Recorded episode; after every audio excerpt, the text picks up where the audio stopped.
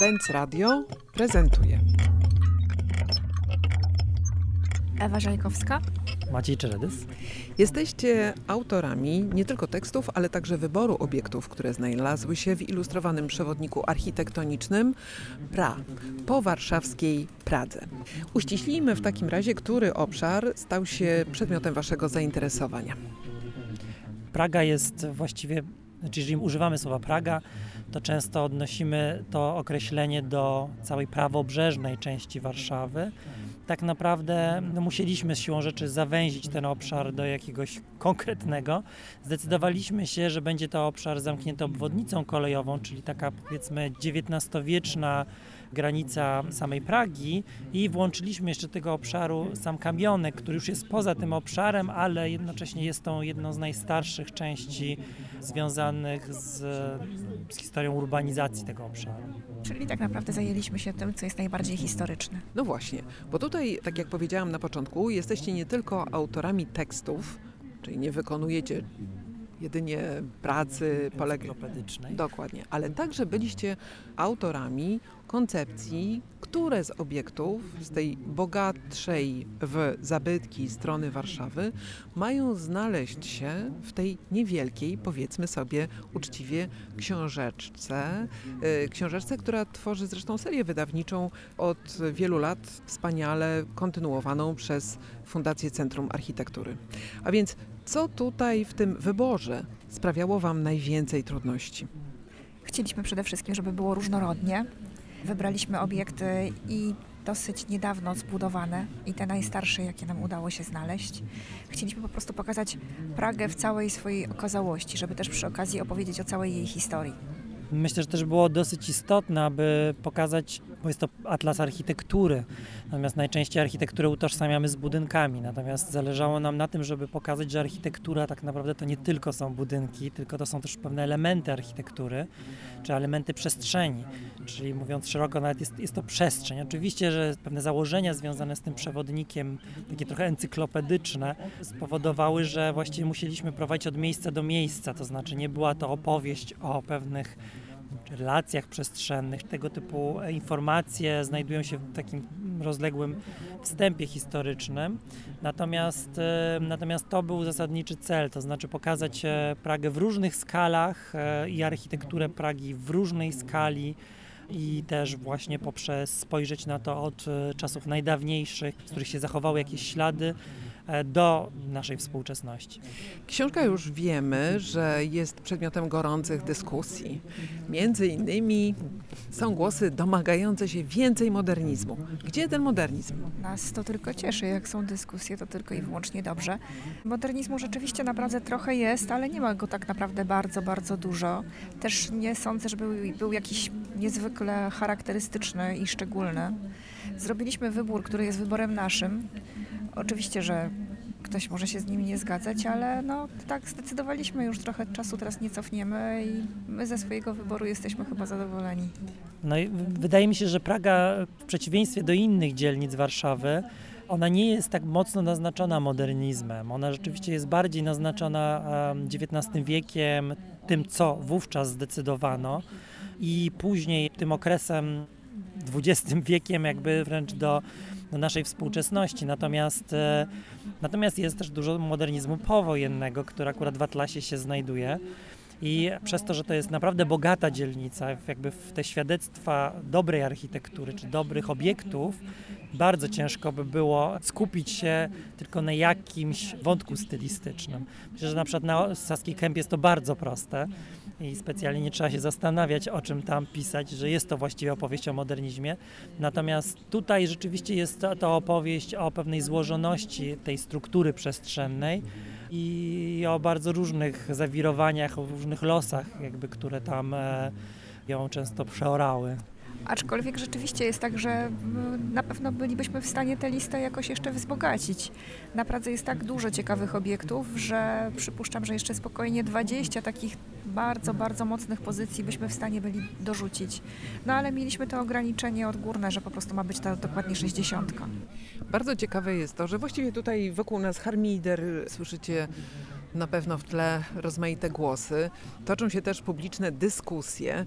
No i te publiczne dyskusje dzisiejsze w Polsce, one są bardzo szczegółowe i szczegularskie tak naprawdę i dotyczą różnych aspektów naszej historii, również czasem widzianej z perspektywy jakiejś takiej podejrzliwości, czy na pewno intencje autorów e, są zgodne z tym, jak powinno się przedstawiać rzecz. Pytam Was dlatego, że to, że tak dużo architektury zabytkowej uratowało się na Pradze, no to jest także rozmowa o Warszawie budowanej pod zaborami.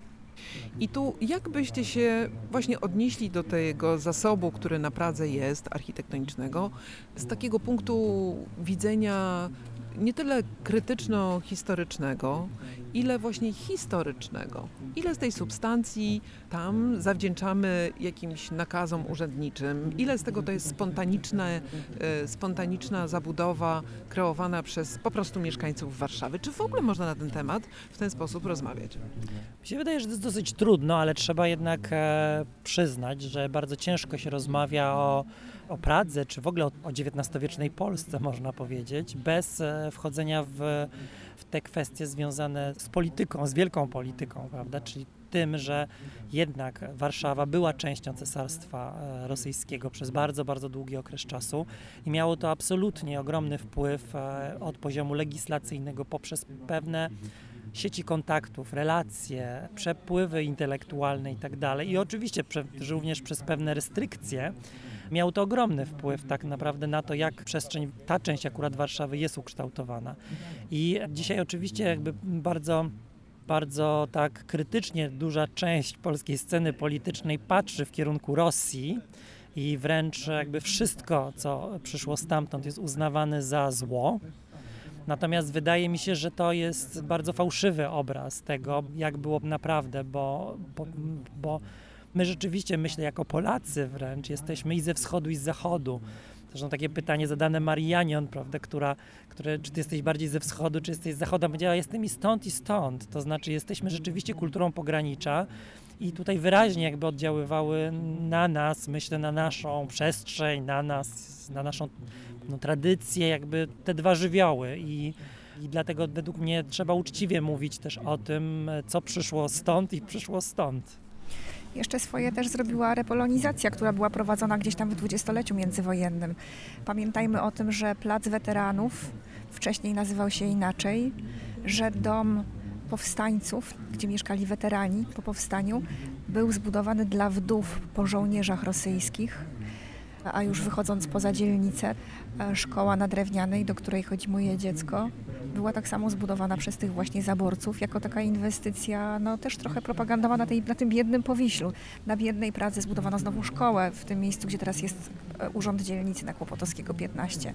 Było dużo tych inwestycji rosyjskich i naprawdę oni bardzo tak na, no, uporządkowali miasto i przyczynili się, szczególnie na Pradze to bardzo widać, dlatego że jednak w Śródmieściu, Śródmieście było odbudowane.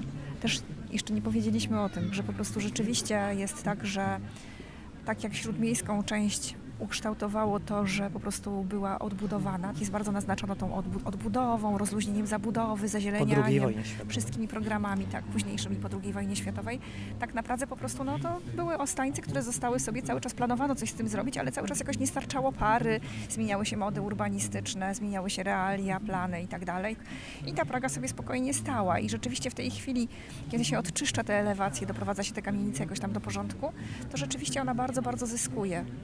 Na koniec stawmy czoła współczesności, dlatego że ta substancja historyczna, architektoniczna na Pradze, tak cenna, obecna w Waszej książce, ona podlega, no, co jest naturalne, jakiejś kolejnej dyskusji o tym, w jaki sposób architektura powinna nam służyć, w jakiej formie, co tam się powinno znajdować. Jak Wy oceniacie przekształcenia, które trwają w tej chwili, między innymi dzięki dużym programom rewitalizacyjnym na Pradze? Ja właściwie nie mam bardzo jednoznacznej opinii na ten temat. To znaczy, wiele rzeczy budzi moje zaniepokojenie. A oczywiście cieszę się, jeżeli widzę, że kolejny budynek przechodzi modernizację czy remont bardziej. Natomiast właśnie te budynki bardzo często w tym procesie przechodzą zbyt daleko idącą modernizację. Może czasami to wynika z ich z bardzo złego stanu technicznego. albo braku czasu, żeby pochylić się tak naprawdę nad, tą, nad ich walorami. Natomiast trzeba pamiętać, że Praga to rzeczywiście, myślę, że ta dzisiejsza Praga to jest nie tylko dzielnica ciekawych lub pięknych budynków, ale myślę, że bardzo dużą wartością są pewne szczególne relacje, które tam nadal istnieją. Wiem, myślę, że Ewa też to potwierdzi, jako ja były mieszkaniec, Ewa nadal mieszkanka wieloletnia Pragi, to mam to porównanie też z innymi częściami Warszawy i wydaje się, że, że to jest coś, co w tym procesie takiej właśnie szybkiej modernizacji niestety ulatuje i prawdopodobnie nie wróci. Może wróci w jakiejś innej formie, no oby. Są takie, niektórzy głoszą takie teorie, że to ta właśnie specyficzna struktura przestrzenna, ona sprzyja temu. To znaczy, że to podwórko licznych kamienic, że to jest taka przestrzeń jakby społeczna, która jest bardzo naprawdę e, licznie obecna, prawda? Więc e, być może tak jest, nie wiem. Natomiast sądzę, że, że te procesy są e, czasami, uważam, że powinny być prowadzone z większym namysłem. Ja się z Maćkiem jak najbardziej zgadzam, ale też trochę mnie niepokoi to, że powstają takie dziwne enklawy. Że z jednej strony dzieje się coś, co było naturalne i w sumie cały czas na to liczono, tak przez cały PRL mówiono o tym, że Praga ma potencjał śródmieścia, jest tak bardzo blisko i w ogóle powinna być tym śródmieściem, na pewno kiedyś się tym śródmieściem stanie.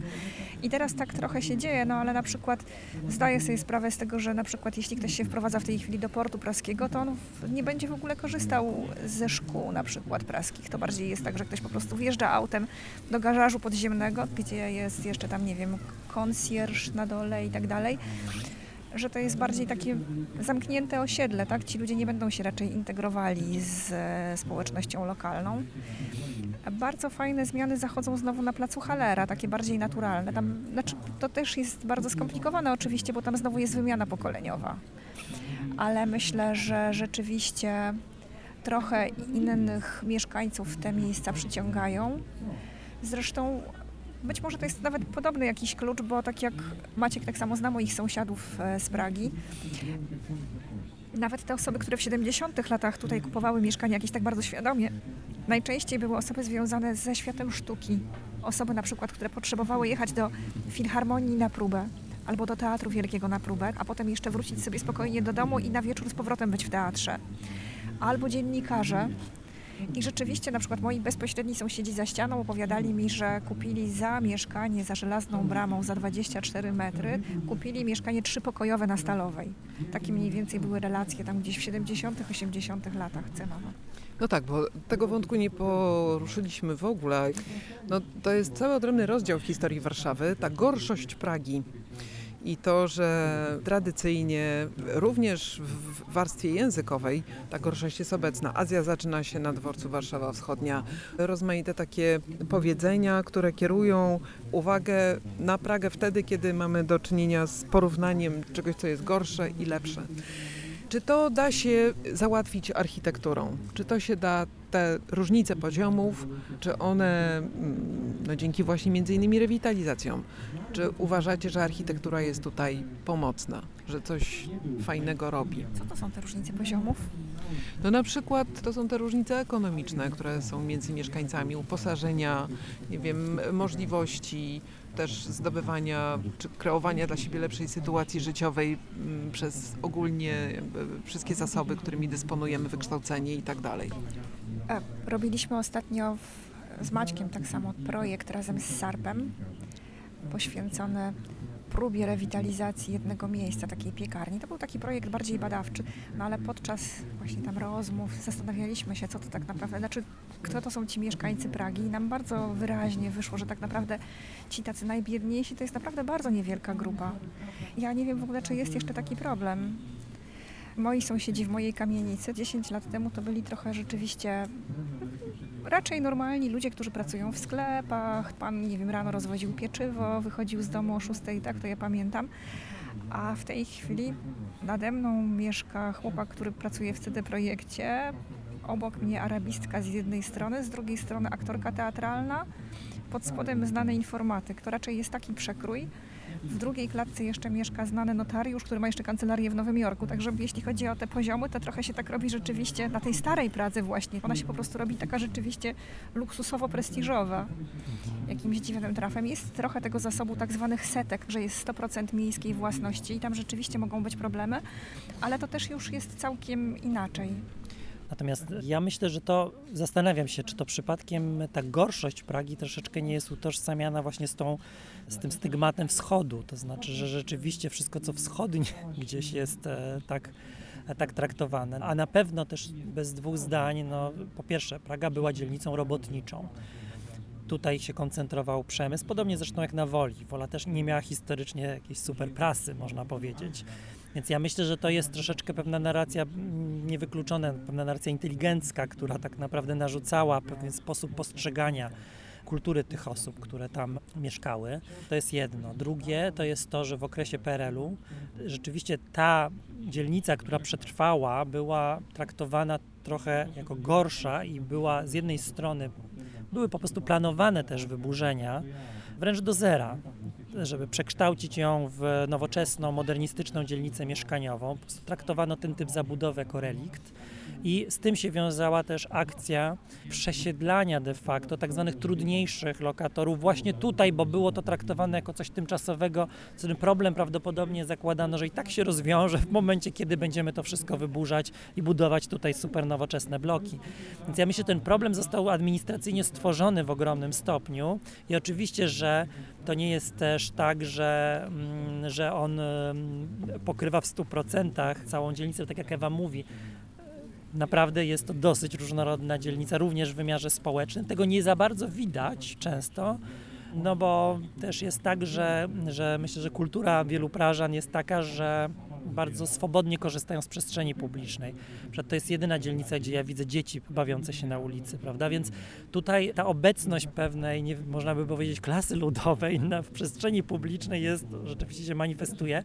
Myślę, że to też bardzo mocno wpływa na taki obraz te, tej dzielnicy, ale jednocześnie uważam, że to jest niezwykła wartość.